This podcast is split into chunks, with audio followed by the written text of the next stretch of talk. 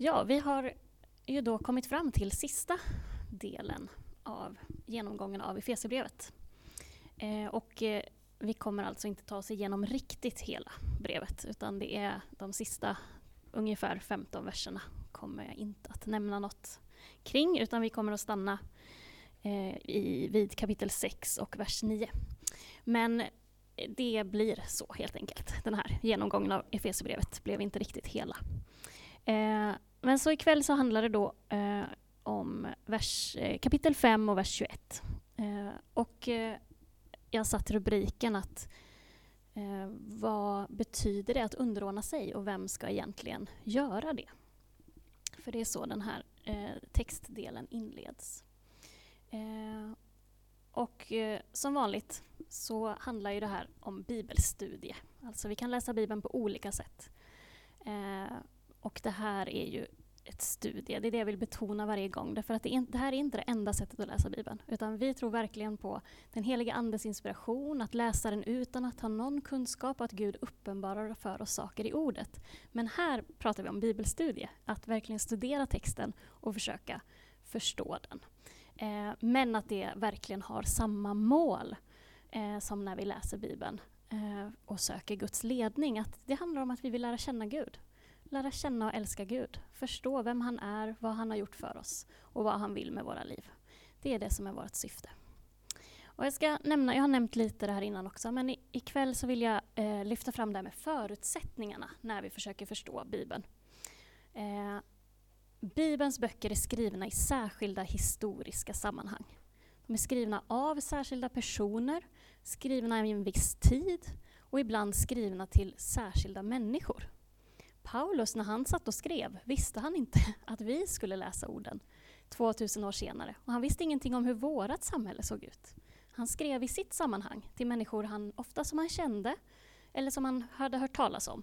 Eh, han hade inte alltid träffat alla.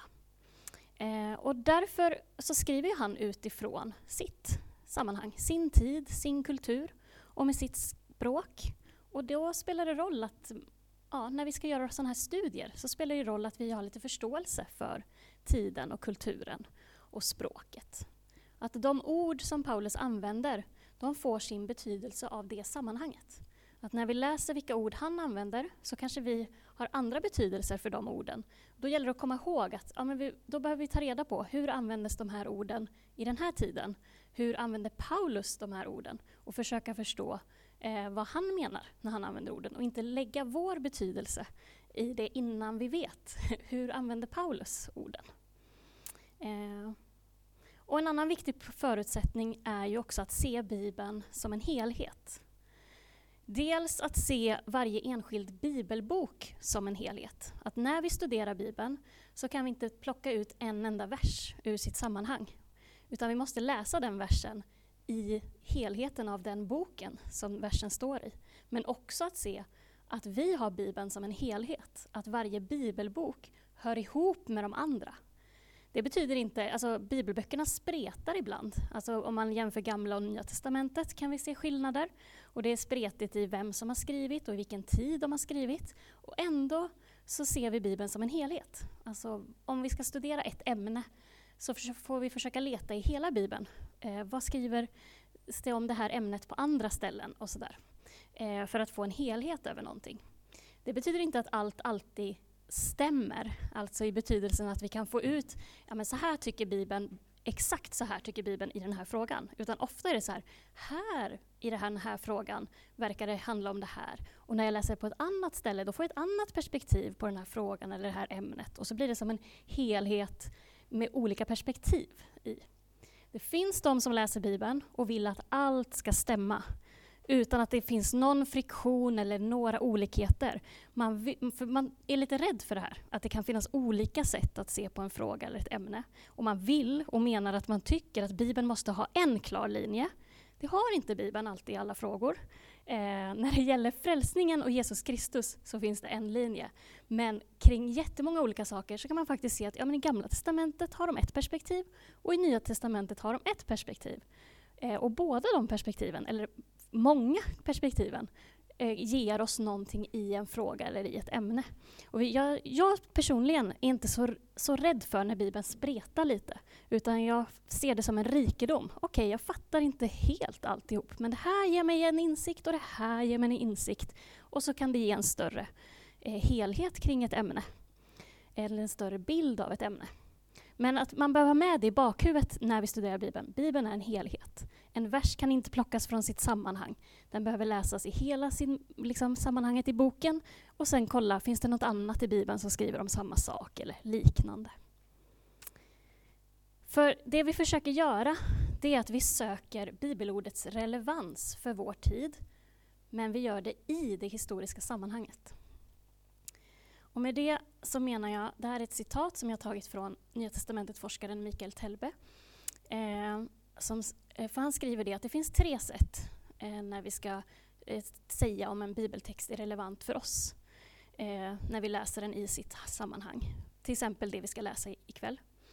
Man kan säga så här, nej men det där hände på den tiden, det var det historiska sammanhanget eh, och det gäller inte för oss idag. Vi kan alltså skippa vissa saker i Bibeln för att det var på ett visst sätt i den tiden och nu är det inte så. Ett annat sätt att läsa det är ju att säga allt som står i Bibeln är relevant hela tiden och jämt. Så vi ska göra exakt som det står i Bibeln oavsett om det historiska sammanhanget var annorlunda på den än vad det är idag. Ett tredje sätt är just att söka bibelordet rele bibelordets relevans. Alltså det är relevant i våran tid, men det kommer från ett historiskt sammanhang. Så vi behöver avkoda vad var det som liksom, vad är bakgrunden till att Paulus skriver som han skriver? Vad är själva syftet eh, att han skriver på ett visst sätt? Och vad betyder det för oss idag i så fall? Hur kan vi översätta det till vår tid? Eh, hur kan vi se det han, han skrev som relevant för oss, trots att det är i en annan tid? Så det är vad vi försöker göra när vi studerar eh, Bibeln. Så då är vi alltså framme vid dagens text. Eh, Efesierbrevet 5 och 21 till 6 och 9. Och jag tog med den här rubriken förra gången också, mötet med texten. Att när vi stöter på texter som vi kan tycka är lite svåra eh, eller lite utmanande, då ska vi inte bara låtsas som att vi inte tycker att det är svårt eller att det inte känns lite jobbigt. Utan först kan man notera bara, hur känner jag inför den här texten? Vad har jag med mig in i den här texten? Så man kan till exempel ställa sig frågan, har jag hört undervisning från den här texten tidigare? I så fall, om jag har det, hur har, vad är det jag har hört då? Vad har de sagt då? Vad är det jag har med mig sedan innan? Eller så har jag inte hört undervisning om den här texten tidigare. Och så kan man stämma av vilka känslor uppstår när jag läser igenom texten. Väcker den tillbedjan, kärlek till Gud, vilja till efterföljelse, känsla av lust, glädje, inspiration? Eller känner jag krav, ovilja inför den? Känner jag apati och likgiltighet? Eller vad känner jag?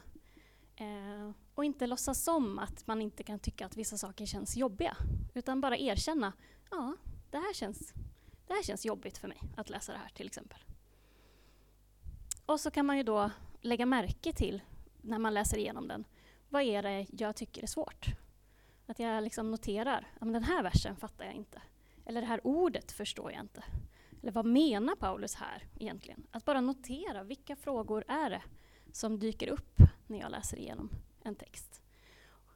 Sen, i nästa steg, när man har erkänt det här, liksom, men det här känns på det här sättet och de här frågorna har jag. Då, då behöver man kunna lägga undan sina känslor, att det kändes jobbigt till exempel. För då kommer vi till, till själva det vi har övat på i den här bibelläsningsmetoden, observationen observationen gör vi utan liksom, hur det känns, utan då gäller det, ja men då ska jag försöka se vad står det egentligen i texten. Men man kan börja här med de här känslorna, eller notera känslor. Så jag ska läsa igenom eh, dagens text och så kan du bara notera för dig själv i huvudet, eller sådär, eh, om det, vilka känslor väcks i dig. Vad tycker du verkar lite svårt? Vi stannar inte upp så länge vid det och jag kommer inte fråga er efteråt, men du kan bara för din egen skull. Vad, vad har jag för ingång till den här texten? Så då läser jag från Efesierbrevet 5 och 21. Underordna er varandra i vördnad för Kristus. Ni hustrur, underordna er era män, så som ni underordnar er Herren. En man är nämligen sin hustrus huvud, liksom Kristus är församlingens huvud och själv frälsare för sin kropp.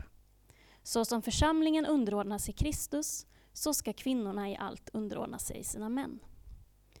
Ni män, älska era hustrur, så som Kristus har älskat församlingen och offrat sig för den.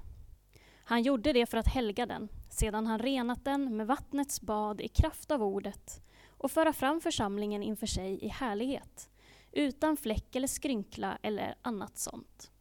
Helig och fläckfri skulle den vara. På samma sätt är männen skyldiga att älska sina hustrur som sina egna kroppar. Den som älskar sin hustru älskar sig själv. Ingen har någonsin hatat sin egen kropp, utan man ger den näring och sköter om den. Så gör också Kristus med församlingen, eftersom vi är delar i hans kropp. Därför ska en man lämna sin far och sin mor och hålla sig till sin hustru, och de två ska bli ett kött. Denna hemlighet är stor. Jag talar om Kristus och församlingen. Men vad er angår ska var och en älska sin hustru som sig själv, och hustrun ska visa respekt för sin man. Ni barn, lyd era föräldrar i Herren, för det är rätt och riktigt. Hedra din far och din mor, detta är det första budet som har med sig ett löfte, så att det går dig väl och du får leva länge på jorden. Och ni fäder, reta inte upp era barn, utan fostra och förmana dem i Herren.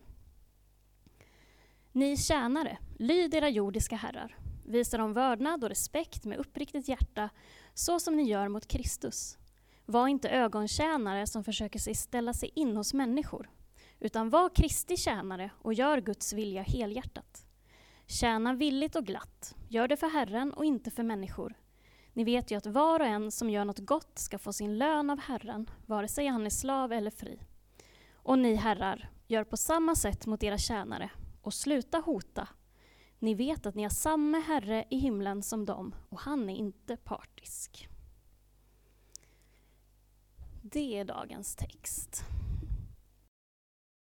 Nej men precis. Eh, vi, om man börjar, eh, vi börjar lite i det här fortfarande med mötet med texten. Jag är kvar där lite grann.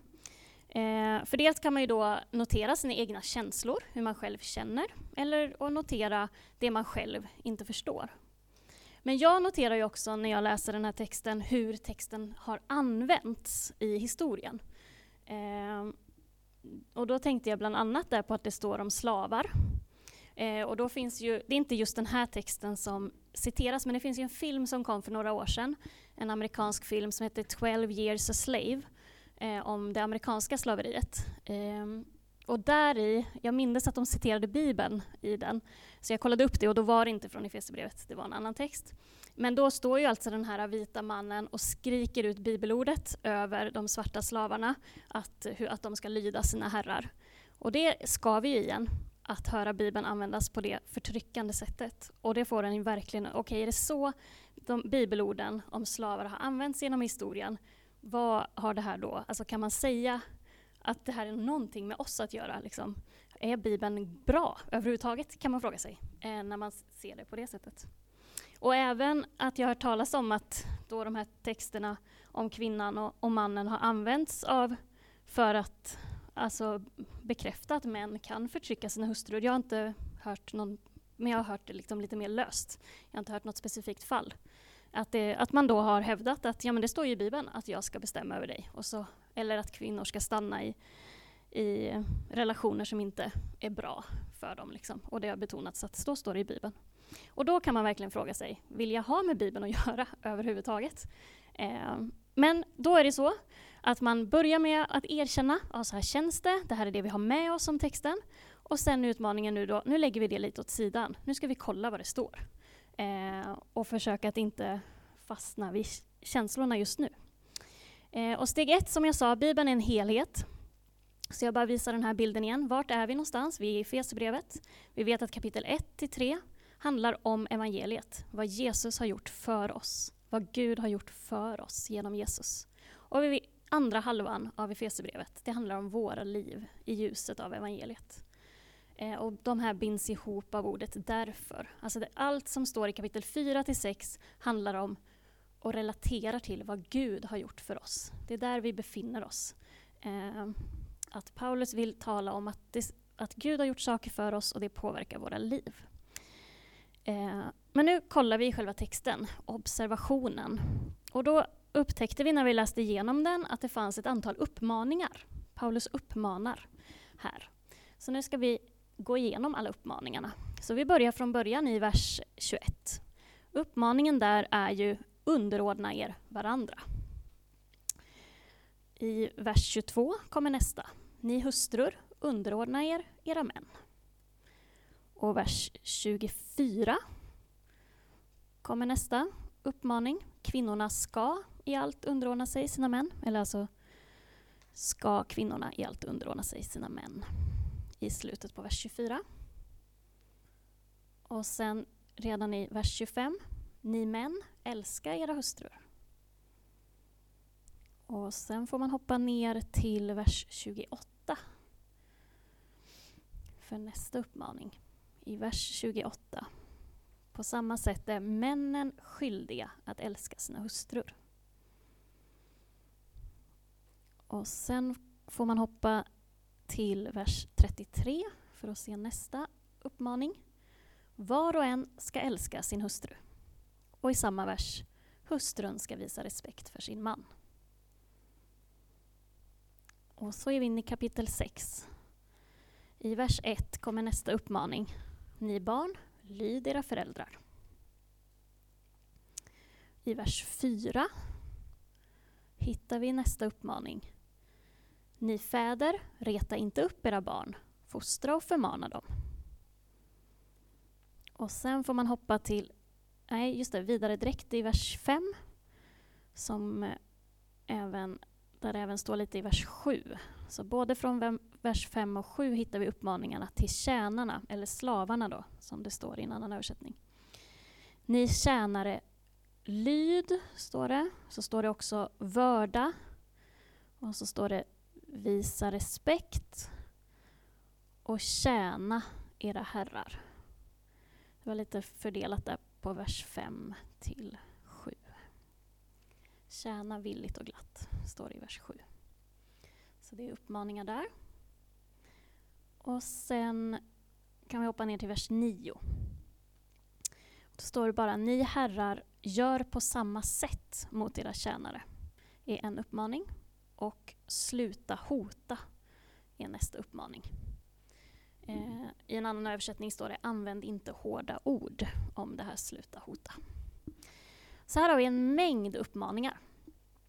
Till män, till hustrur, till barn, till föräldrar, till slavar och till tjänare.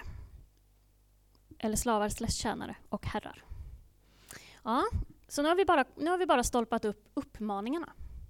Men nu, jag tog ju bara liksom halva meningarna. För vad är det som uppmaningarna följs av? Vad följs uppmaningarna av? Så nu ska vi gå igenom exakt samma verser en gång till och se vad följs de här uppmaningarna av. Så då är vi i vers 21 igen i kapitel 5. Eh, där alltså stod underordna er varandra. Det följs av i vördnad för Kristus. Jag går bara igenom det här rakt igenom så ska vi stanna upp vad det betyder sen. Vers 22. Så som ni underordnar er Herren. Vers 24. Så som församlingen underordnar sig Kristus. Vers 25. Så som Kristus har älskat församlingen. Vers 29.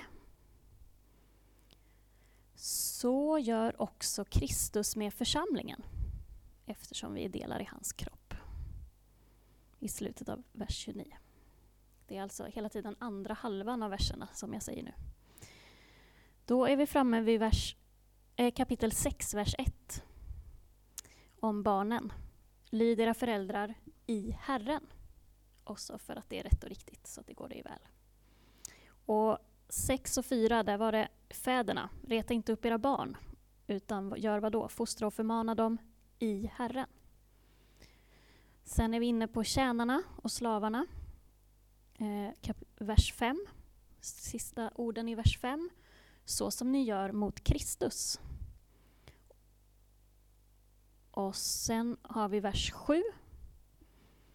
Eh, då står det i mitten av versen, gör det för Herren. Och vers 9, herrarna, som, inte, som ska sluta hota sina tjänare. Då betonar de varför då? Ni har samma Herre i himlen. Så nu har vi spaltat upp vad är uppmaningarna och vad följs uppmaningarna av? Och om vi tittar på det här vad uppmaningarna följs av. Och så om ni kommer ihåg att man kan lägga märke, jag har försökt gå bakåt här, det är därför det försvinner där. Det här med ord som upprepas, eller begrepp som upprepas, är någonting man kan lägga märke till när man studerar Bibeln. Är det något som upprepas i de här äh, följ, det som följs, uppmaningar följs av? Mm, precis. Så som. Eh, det är ju en jämförelse. Är det ett namn eller begrepp som upprepas?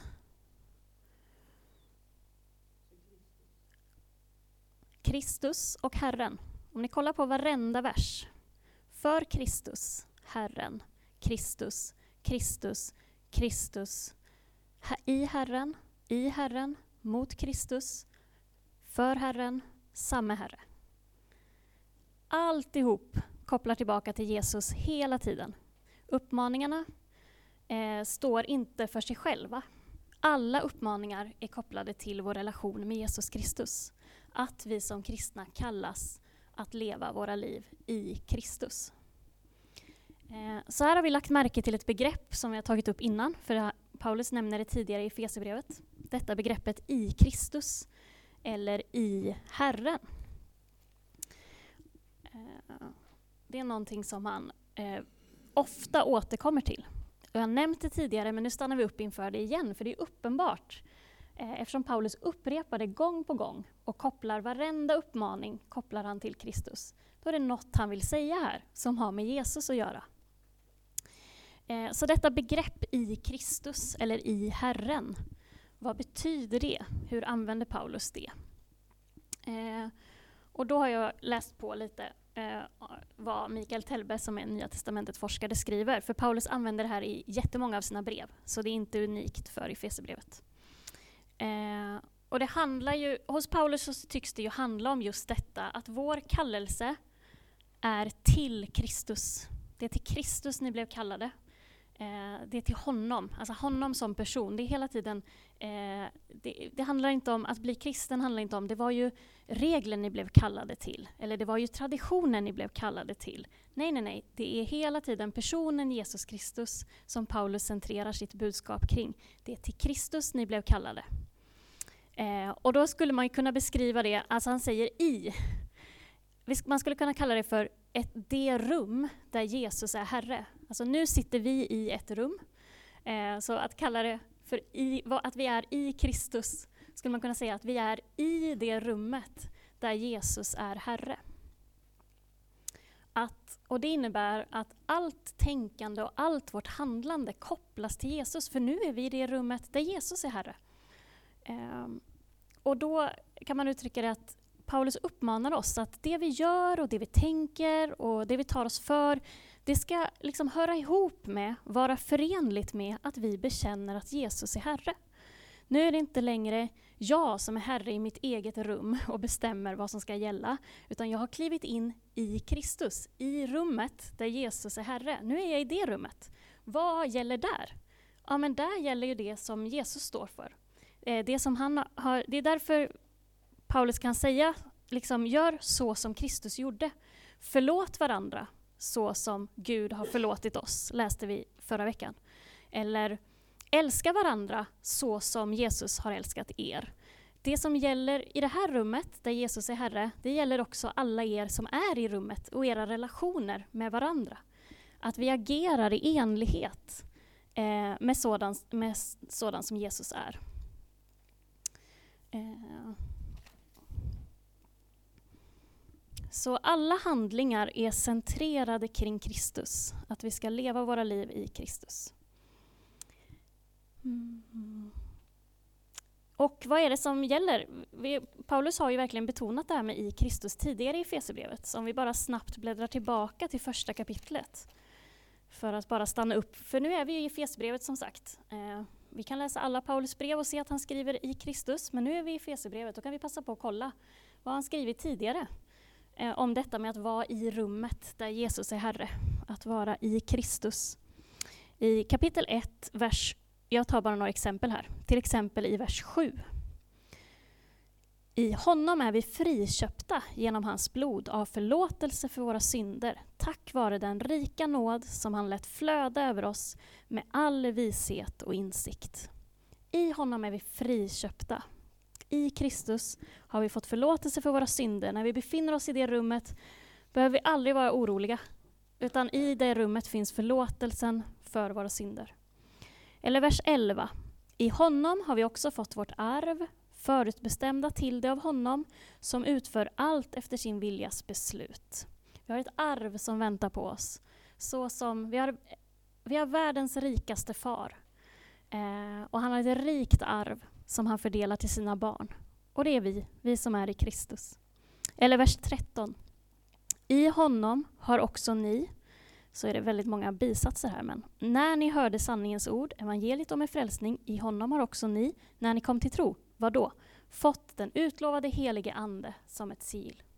Vi har fått, I honom har vi fått den helige Ande. Eller så kan vi läsa i kapitel 2, vers 6. Eh, han har uppväckt oss med honom och satt oss med honom i den himmelska världen, i Kristus Jesus, för att i kommande tider visa sin överväldigande rika nåd genom godhet mot oss i Kristus Jesus. Nåden, godheten, eh, vi är uppväckta, vi har liv i det här rummet, i Jesus Kristus. Eh, fortsätta i Guds rika nåd och godhet, ja ja, eh, det fortsatte ju där. Men det här är vad Paulus vill betona, det här är vad vi har i Kristus. Nu befinner vi oss i det rummet där Jesus är Herre, där vi har fått förlåtelse för våra synder, där vi har ett rikt och härligt arv som väntar på oss, där vi har fått liv i överflöd, där vi har fått en helig Ande, eh, där Gud visar sin rika nåd i godhet mot oss. Allt det finns där. Och det är så Paulus argumenterar för, ja nu är vi där allihopa i det här rummet det är det som ska påverka hur vi behandlar varandra och hur vi beter oss mot varandra. Det är Guds godhet, Guds nåd, Guds arv, helig ande. Det är det som påverkar hur vi beter oss i det rummet. Vi har fått en ny identitet. Eh, vi har ju det här bibelordet Andra Korinthierbrevet 5 och 17 som vi brukar citera eh, när vi tar emot Jesus. Jag bara kopplar in det, för det står också om i Kristus. Och då säger Paulus, den som är i Kristus är alltså en ny skapelse. Det gamla är förbi, något nytt har kommit. Och vi tenderar att läsa det bibelordet väldigt individualistiskt om, liksom, om just mig eller dig när vi tog emot Jesus, då är vi en ny skapelse. Och det stämmer nog absolut. Men Paulus är ofta, alltså han skriver till församlingar. Han skriver inte till en, oftast inte till en enskild person, och det gör han inte i Korintierbrevet. Han skriver till en hel församling och säger att den som är i Kristus är alltså en ny skapelse och skriver om församlingen. Vilket också är liksom hela försam alltså alla troende är en ny skapelse tillsammans. Eh, våra relationer och våra sätt att leva tillsammans, det är nytt. Något nytt har kommit. Hur vi relaterar till varandra. Det sker i Kristus. Så vi står i relation till varandra eh, i församlingen och till alla kristna i det rummet där Jesus är Herre. Så det är liksom, nu har vi bara plockat ner lite grann, några tankar om vad Paulus menar när han säger i Kristus. Nu ska vi gå tillbaka till själva texten, för då vet vi att alla uppmaningar i Efesierbrevet, de kopplar till detta i Kristus. Men vad är det då han säger? Eh, vad, nu ska vi kolla på uppmaningarna. Vad innehåller de? Då börjar vi. Vi börjar med hustrur och män som är första, de första att bli adresserade. Och då hade vi till exempel där i vers 22. Eh, ni hustrur underordna er, era män, så som ni underordnar er Herren. Eh, men då ska vi göra en liten koppling här. Vers 22 står precis efter vers 21 såklart. Vad står det i vers 21?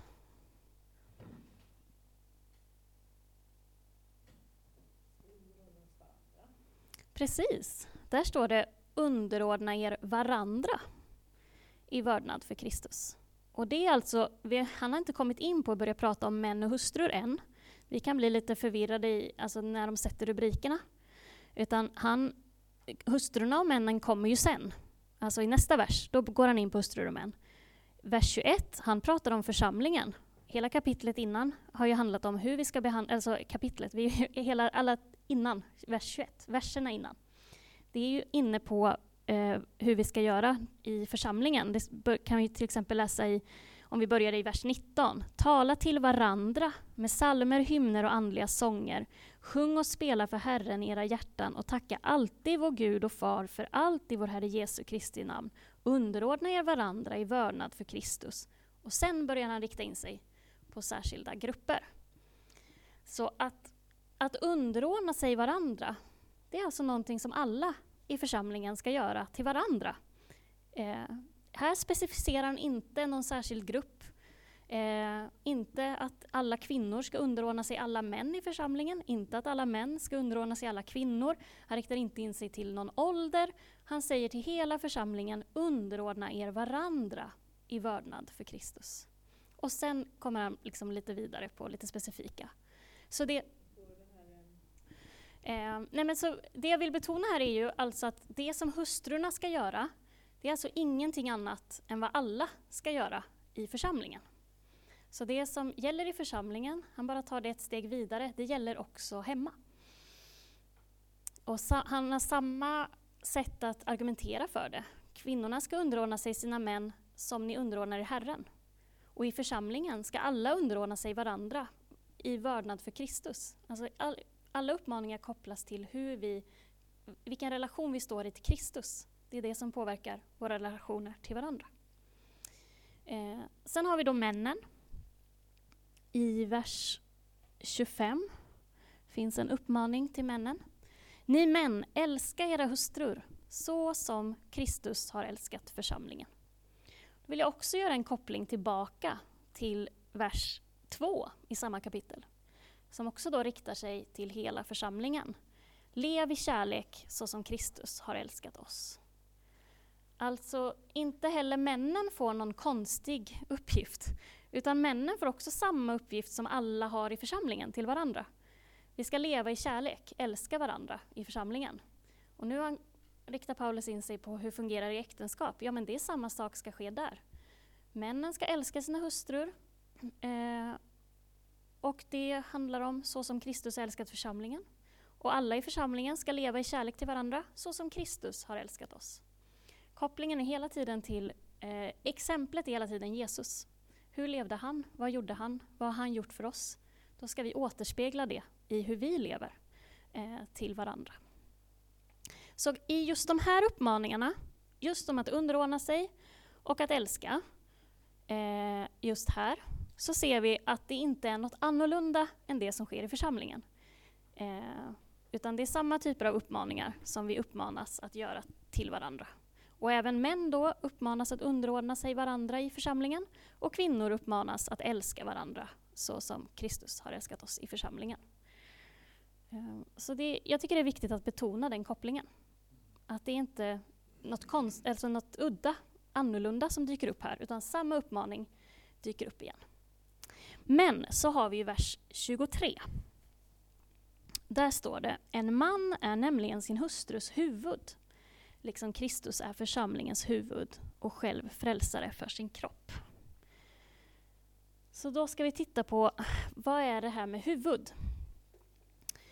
Eh, och det är ju uppenbart eller uppenbart, men har, Paulus har ju använt det här begreppet tidigare i Efesierbrevet om Jesus. Och då är det i kapitel 1. Eh, I kap slutet på kapitel 1, från vers 20, börjar han tala om Kristus. Eh, och när han kommer till vers 22 så skriver Paulus eh, allt la han under hans fötter, alltså allt la Gud under Kristi fötter. Och honom, som är huvud över allting, gav han till församlingen, som är hans kropp, fullheten av honom, som uppfyller allt i alla. Så Kristus är församlingens huvud, har han skrivit redan i kapitel 1. Och så återkommer han eh, till det här nu, att liksom Kristus är församlingens huvud. Eh, och man har funderat på lite olika eh, översättningar, liksom, hur ska det här ordet förstås? Eh, men det måste ju förstås ändå som en som leder. För Kristus leder ju församlingen. Så det, kan, det, ju, det, kan vi ju, det ser vi ju på alla möjliga ställen i Bibeln. Det är Kristus som är upphovet till församlingen och som leder församlingen. Så huvud, att Paulus använder det begreppet, ja, det måste ha någonting med, med ledarskap att göra. Det har det. Men då tittar vi på, vad var det som gjorde Jesus till huvud för församlingen? Varför är Jesus huvudet för församlingen? Vi börjar där för att kunna gå vidare sen. Och då har vi till exempel Filipperbrevet 2 och 6. Om vi ska titta på vad är det, vad gör Jesus?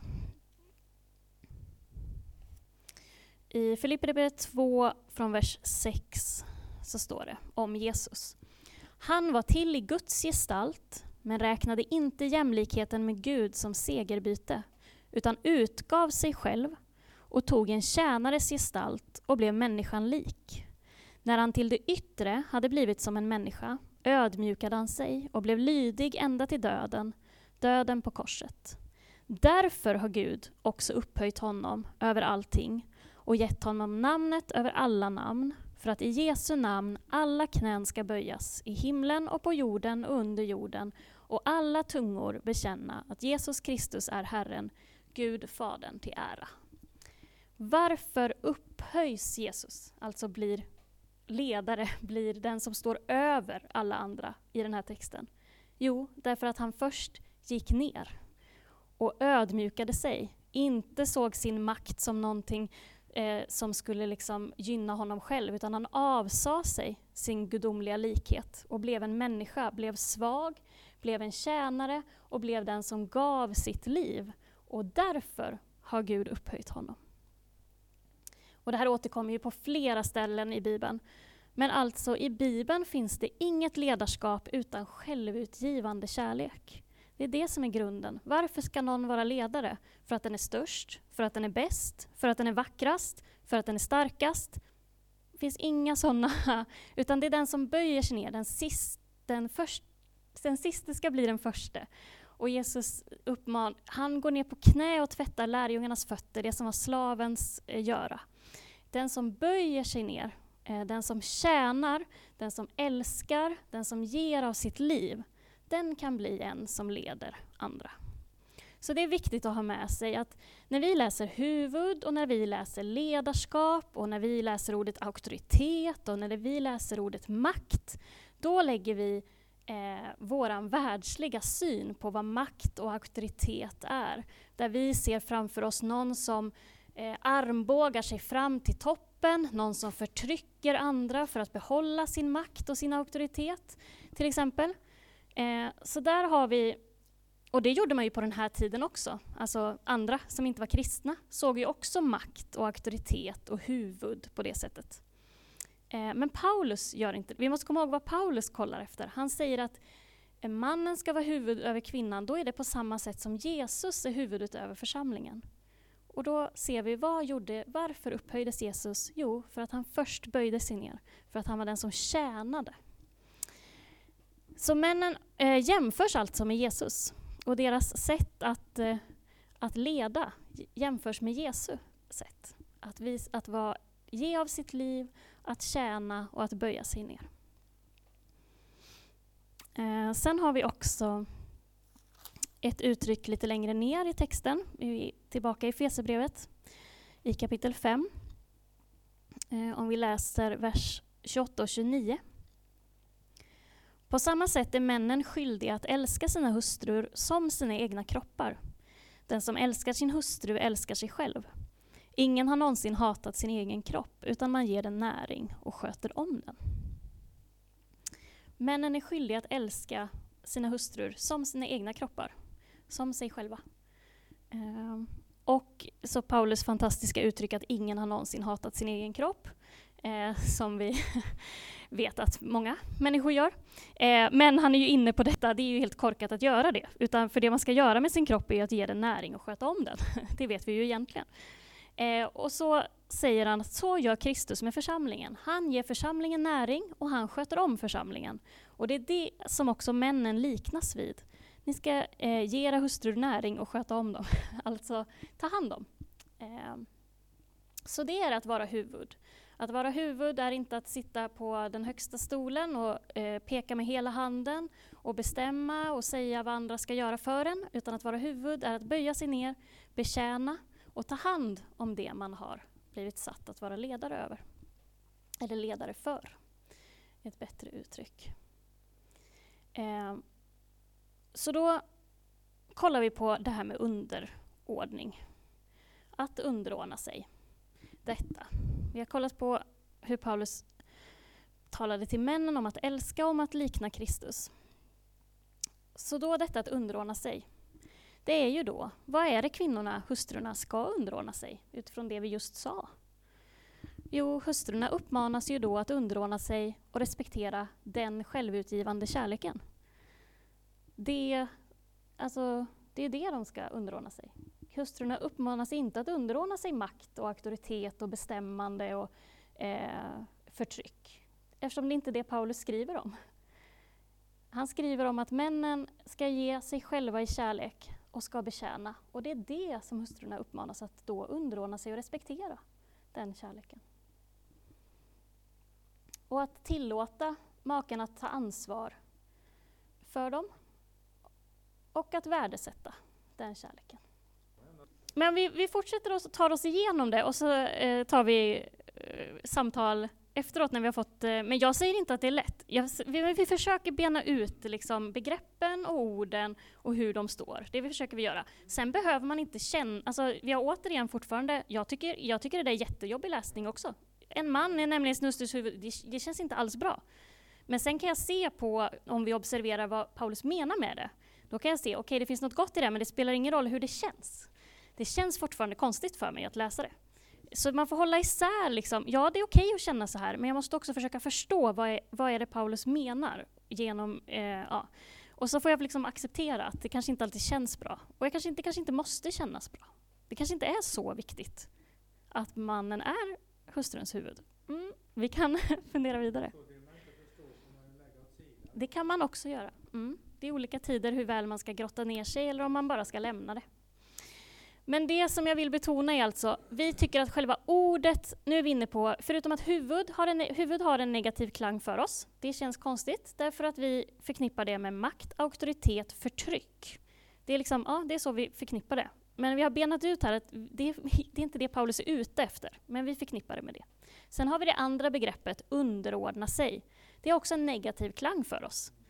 Eh, och det, men det vi, det vi liksom eh, benar ut här, det är att själva underordningen är inte att underordna sig förtryck eller makt, eftersom huvudet inte handlade om förtryck eller makt, utan underordningen handlar om un att underordna sig och respektera kärleken och ansvaret och, och eh, att värdesätta den kärleken. Eh, för då lägger jag till här att vi ser att svenskan har valt eh, olika ord här i två verser, där grekiskan har samma ord.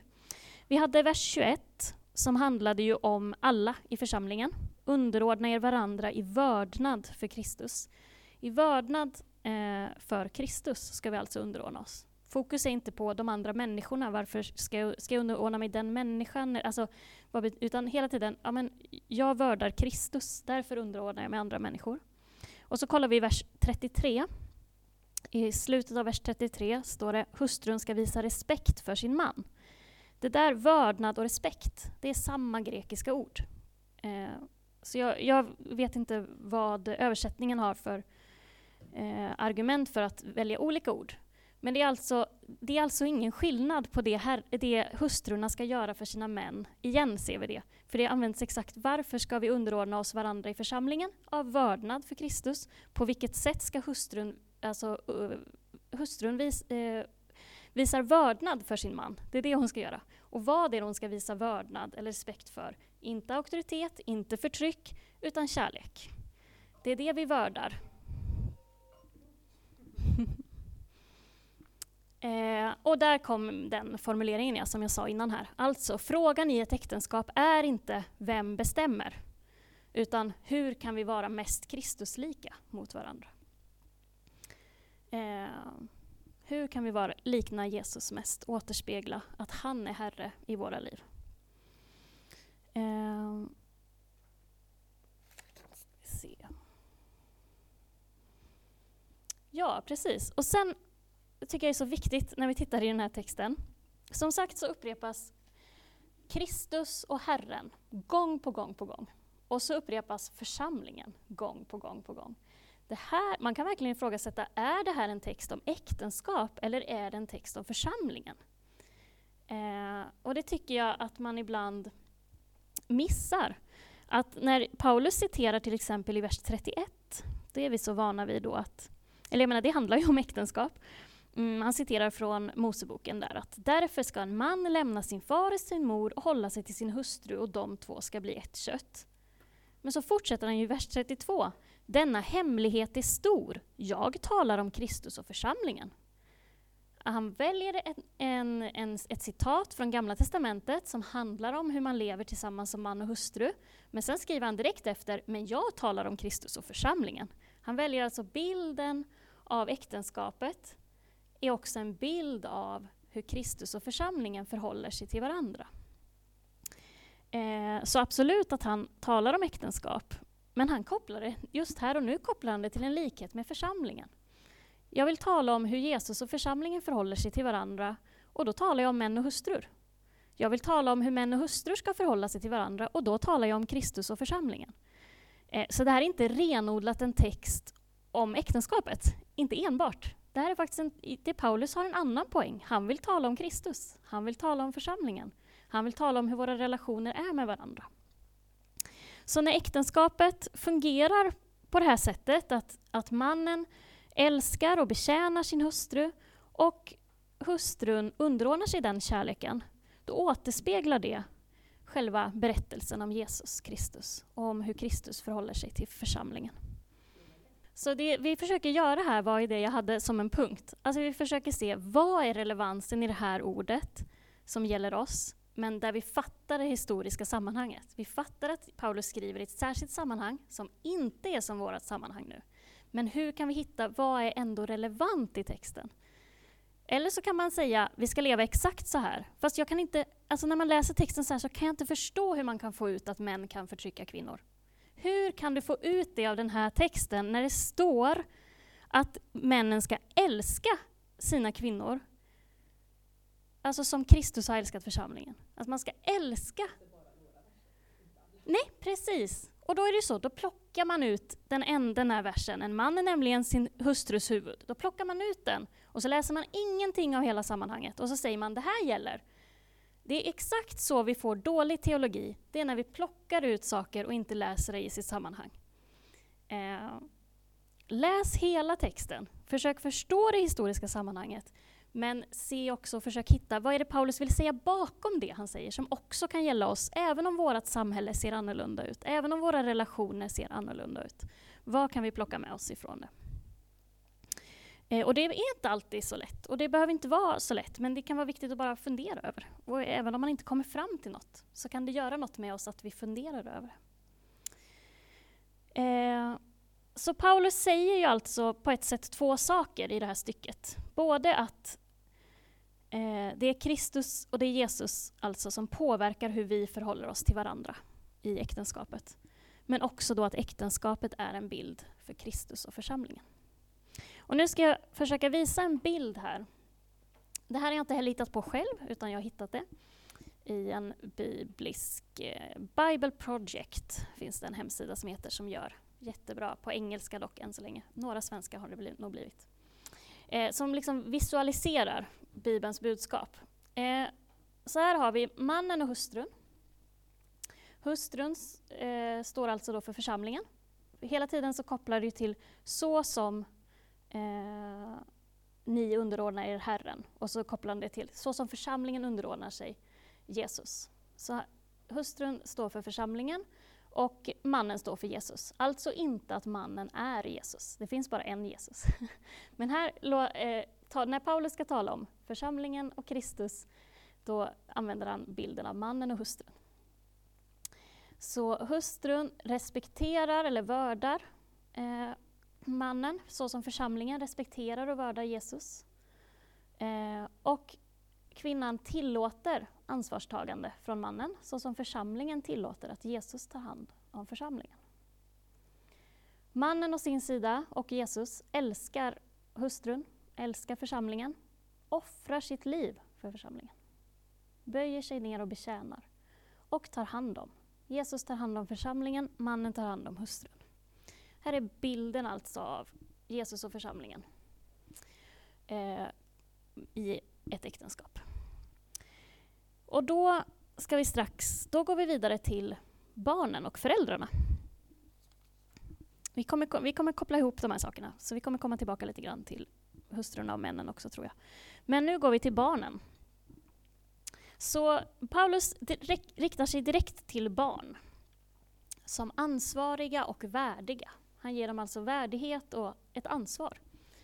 Eh, och vi vet inte hur gamla han tänker sig att de här barnen är som han talar om. Jag funderade lite på det när jag läste. Tänker han sig att han riktar sig till små barn? Eller tänker han sig att han riktar sig till större barn? Riktar han sig till vuxna barn som har sina föräldrar i livet?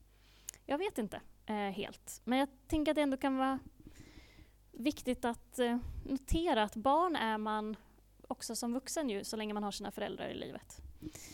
Eh, och då säger han, ni barn, lyd era föräldrar i Herren. Eh, och så säger han till föräldrarna, nej just det, precis, här har vi ju i Herren igen. Återigen är det i Herren. Så, så som ni lyder Jesus, så som ni böjer er under Jesus, så ska ni böja er under era föräldrar. Återigen kopplat till relationen med Jesus. Så det måste ju handla om barn som kan förstå och ha en relation till Jesus ändå, tänker jag att han riktar sig till.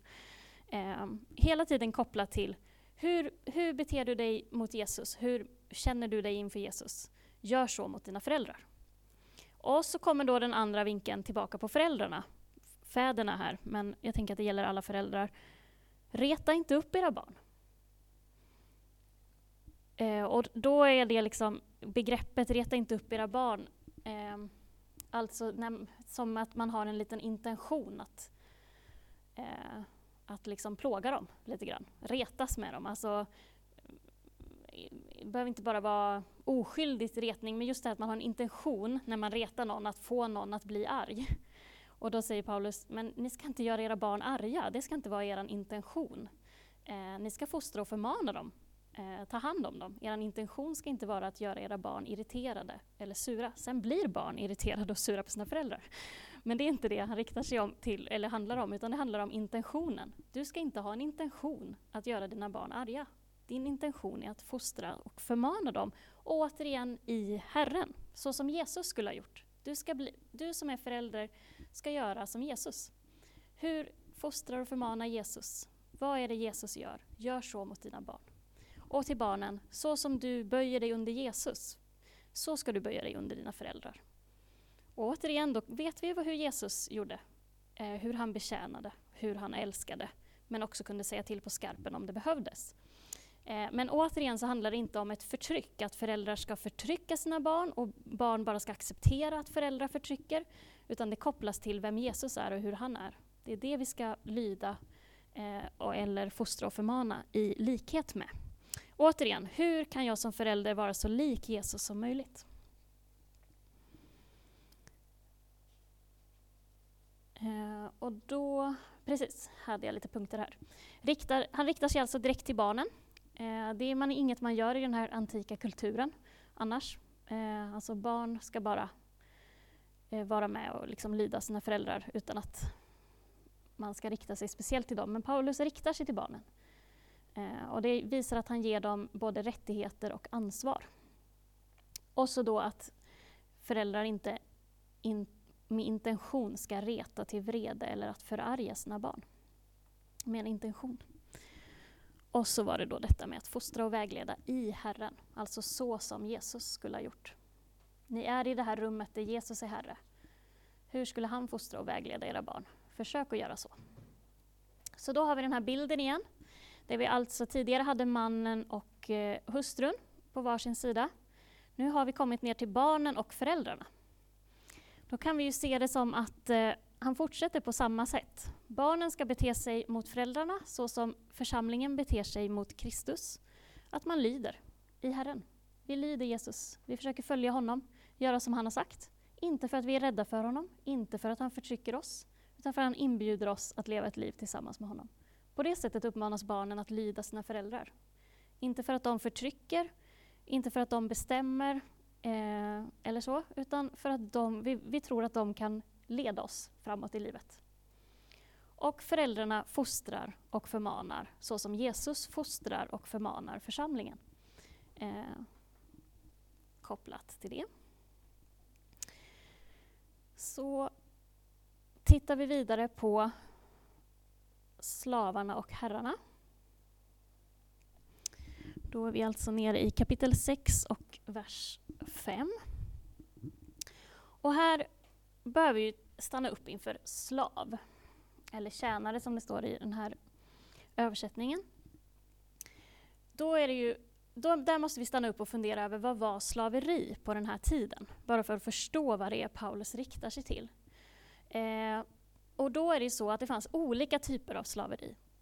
Har man sett den här filmen Gladiator så har man ju sett eh, de som var slavar och kunde bli kastade till, till lejon och så på sådana här, eh, vad heter de? Gladiatorspel, precis, jag sa ju precis gladiator. ja men precis, gladiatorspel. Alltså, och han var ju, man, jag tror man ser i början av filmen också att han blir sån här galärslav och får sitta och ro. Alltså det var ju fruktansvärt slaveri. Eh, det är kanske den bilden vi har när vi hör ordet slav, alltså ett fruktansvärt förtryck. Men det är inte den enda typen av slaveri som finns i den antika världen. Utan slavar var vanliga i hushållen och ibland som en del av familjen. Eh, och Paulus riktar sig här till familjer. Så det är ganska tydligt att det är den här typen av slaveri han tänker på. Han tänker inte just här i den här texten på den typen av slaveri som vi kanske oftast får upp i huvudet. Utan slavar, eller som de översätter det, tjänare, eh, det fanns i vanliga antika hushåll. Det var, liksom, det, var, det var bara de fattigaste familjerna som inte kunde hålla slavar eller tjänare. Eh, utan nästan, nästan alla, vad ska man säga, den tidens medelklassfamiljer och uppåt hade slavar i, i familjen. De var alltså inte fria att välja sina egna liv. Men de hade bostad och mat. Och det var ju olika. De kunde absolut bli förtryckta i, i, familjen, men de kunde också ses som en del av familjen, förutom att de inte kunde välja att gå därifrån. Ehm, så Paulus, det troligaste är att Paulus helt enkelt såg här, den här typen av slaveri som liksom självklart, att det är så samhället fungerar och är uppbyggt. Ehm, så som, eh, det är kanske dålig liknelse för det har inte med människor att göra, men liksom sånt som vi tar för givet i vårt samhälle eh, som elektricitet. Vi kan inte föreställa oss knappt hur vårt samhälle skulle se ut utan elektricitet. Eh, lite på samma sätt att det, det, är så självklart med den här typen av husslavar eh, i den här tiden. Så Paulus eh, riktar sig till dem därför att de är en självklar del av de husförsamlingar som han skriver till. Eh, att de flesta i församlingen har, eh, som är no lite mer välbeställda, har slavar i sina hushåll. Hur ska vi då vad, vad händer då i familjen? Hur ska vi förhålla oss? Vilken relation ska slavarna ha till sina herrar och vilken relation ska herrarna ha till sina slavar? Det tar han upp här. Och återigen, på samma sätt som med barnen, att han riktade sig direkt till barnen, så riktar han sig direkt till slavarna. Vilket visar att han ger dem, alltså det är ett sätt att säga ge ansvar och rättighet. Eh, han ser dem som människor som trots att de eh, inte är fria så är de, är de fria i sitt inre. Du, du är ansvarig för hur du beter dig. Du är ansvarig för du, hur, du, hur du tjänar. Eh, du, an, du har en ansvarighet. Du har eh, också rättigheter, inte rättigheterna då eh, i samhället som att, man, att kunna lämna den här familjen. Men, men ändå. Eh, och då ska vi se, vad han skriver då till... Jag har tagit en modern bild på en slav. Nej då. och en modern bild på en herre här på min, i min powerpoint. Eh, det var de bilderna jag hittade. Och slaven uppmanas då att lyda. Men på samma sätt som i, med barnen, det står inte direkt här, men det kommer senare, att så kopplar han ju detta till Jesus, till Herren. Alltså du som är slav och har blivit kristen. Eh, vad ska du göra framöver? Ja, du ska fortsätta lyda dina jordiska herrar. Eh, men gör det för eh, var Kristi tjänare och gör Guds vilja helhjärtat. Alltså nu har du fått en annan betydelse att du tjänar din Herre. Tidigare var det bara av tvång, men nu är det faktiskt så också att du som kristen är kallad att tjäna dina medmänniskor. Och du befinner dig i en tjänande position, så fortsätt med det. Men nu gör du det ytterst sett för Jesus, för Kristus, för Gud. Eh, så fortsätt att lyd och att vörda och respektera din Herre. Men nu gör du det i Kristus, i Herren. Eh, och herrarna då, de ska sluta hota.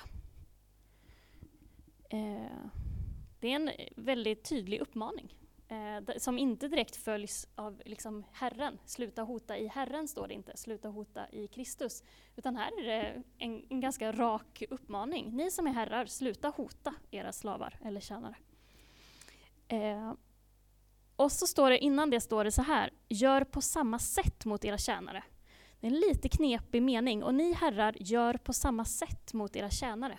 Alltså vad är det de ska göra på samma sätt? Eh, det är inte helt uppenbart eh, när jag läser texten rakt upp och ner vad det är de ska göra på samma sätt. Eh, men då skriver alltså Mikael Telbe, behandla dem likadant. Alltså gör, behandla i familjen, behandla er varandra likadant. Gör på samma sätt, gör inte något särskilt mot slavarna. Behandla inte dem på något extra sätt, utan de är en del av familjen. Behandla dem lika som alla andra. Eh. Och varför? Återigen så är det alltid varför som är intressant. Jo, ni vet att ni har samma Herre i himlen som dem och han är inte partisk. Gud fader bryr sig inte ett skvatt om om du är en slavägare eller om du är slav. För inför honom är ni båda lika. Och då kan inte du behandla din slav på något annat sätt än hur Gud skulle behandla honom. Gud kommer behandla er lika, så behandla hela din familj lika. Gör som Gud. Gör som eh, Jesus gör. För ni har samma Herre, ni är inte olika. Så, så olika som ni kan tro. Så, vi har alltså sett hur Paulus rikt, eh, riktar sig till ett hushåll. Ett hushåll som består av män, man och hustru, består av barn och slavar. Som alltså är ett vanligt grekisk-romerskt hushåll vid den här tiden. Eh, och det som sägs till hustrun, barnen och slavarna på den sidan, det är inte unikt för Paulus. Det är vad som gällde, som Regine sa innan. Det var inte så konstigt för dem att, att leva så här, för det var ju så de levde. Paulus uppmanar dem alltså inte att göra något annat än vad samhället säger. Samhället sa att hustrur skulle eh, underordna sig sina män. Samhället sa att barnen skulle lyda sina föräldrar. Och självklart sa samhället att tjänarna och slavarna skulle lyda sina herrar.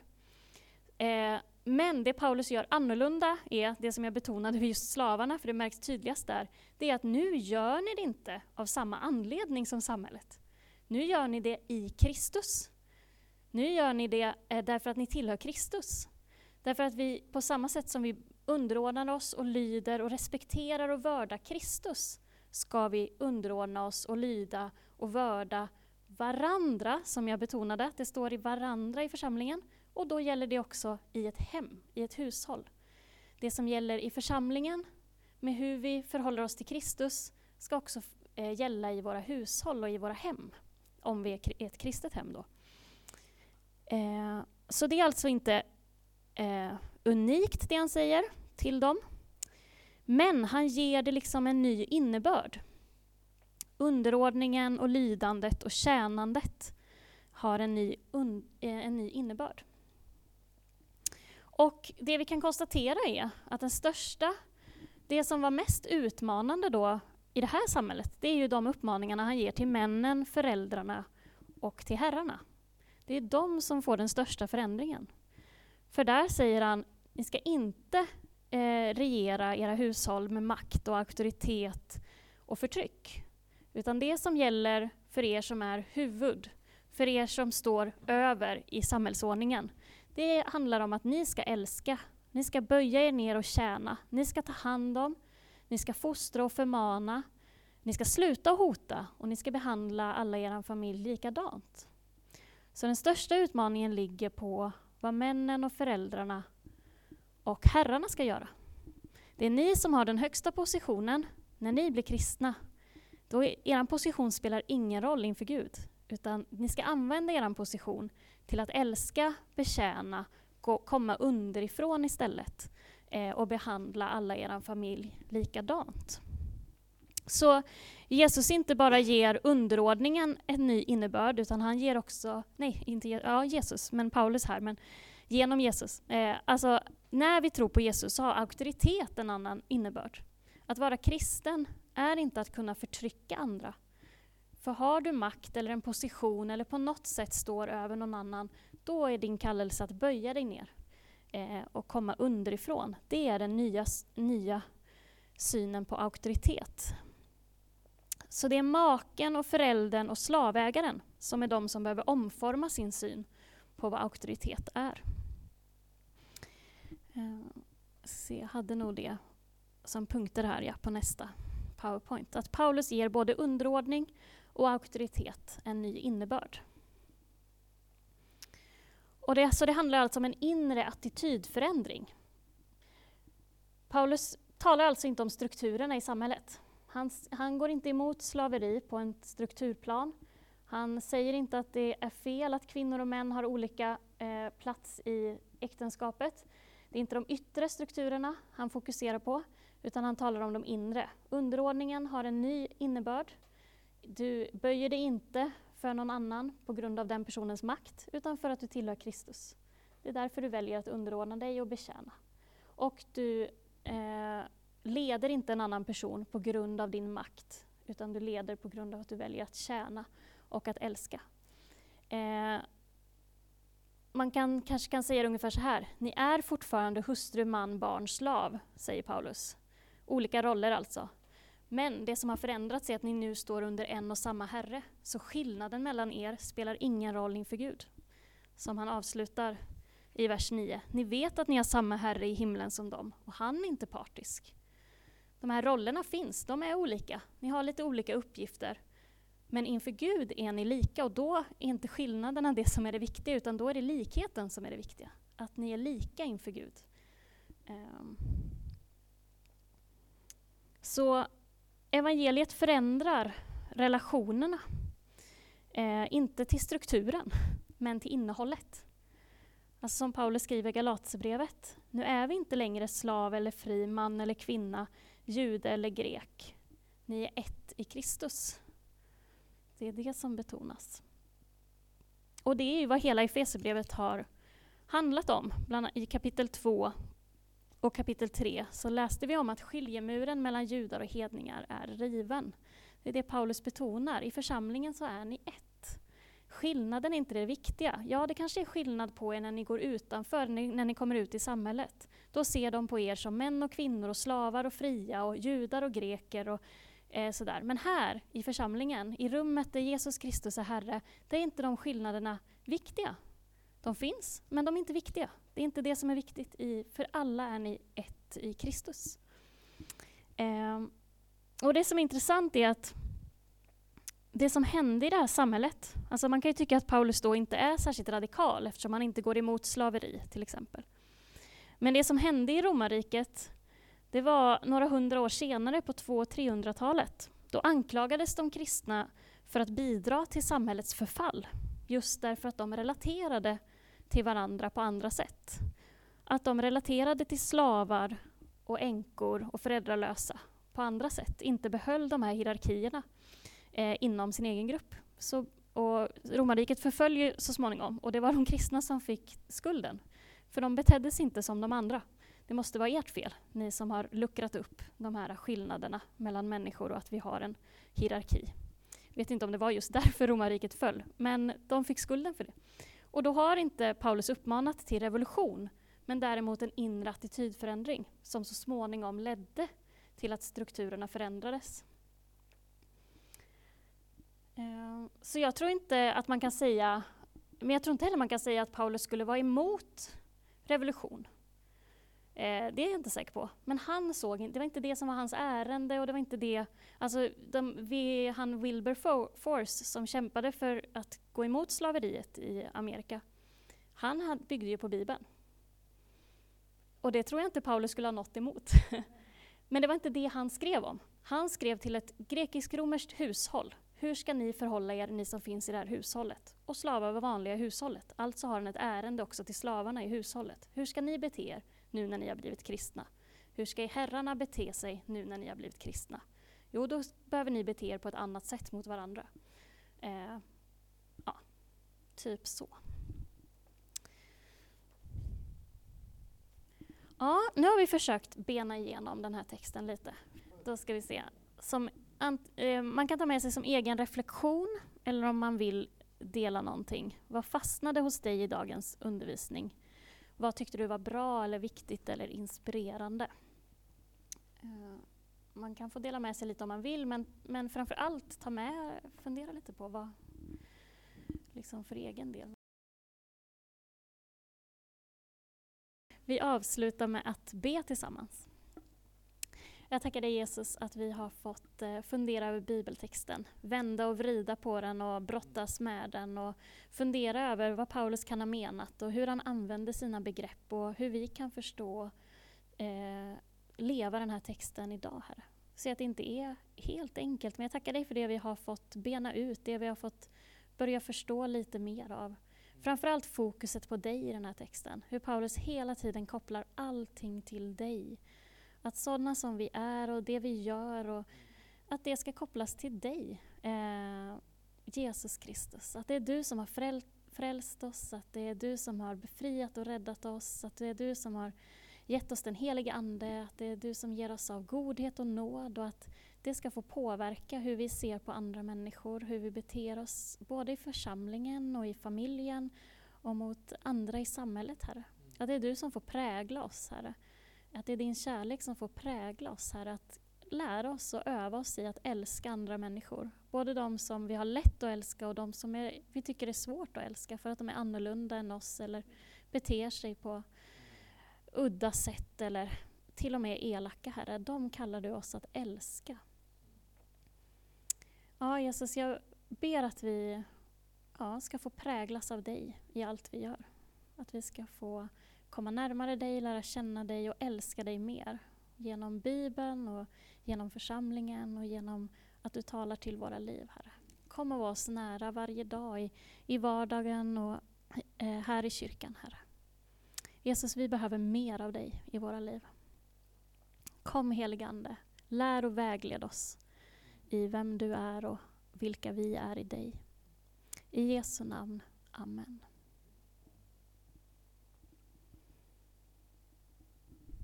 Tack så mycket.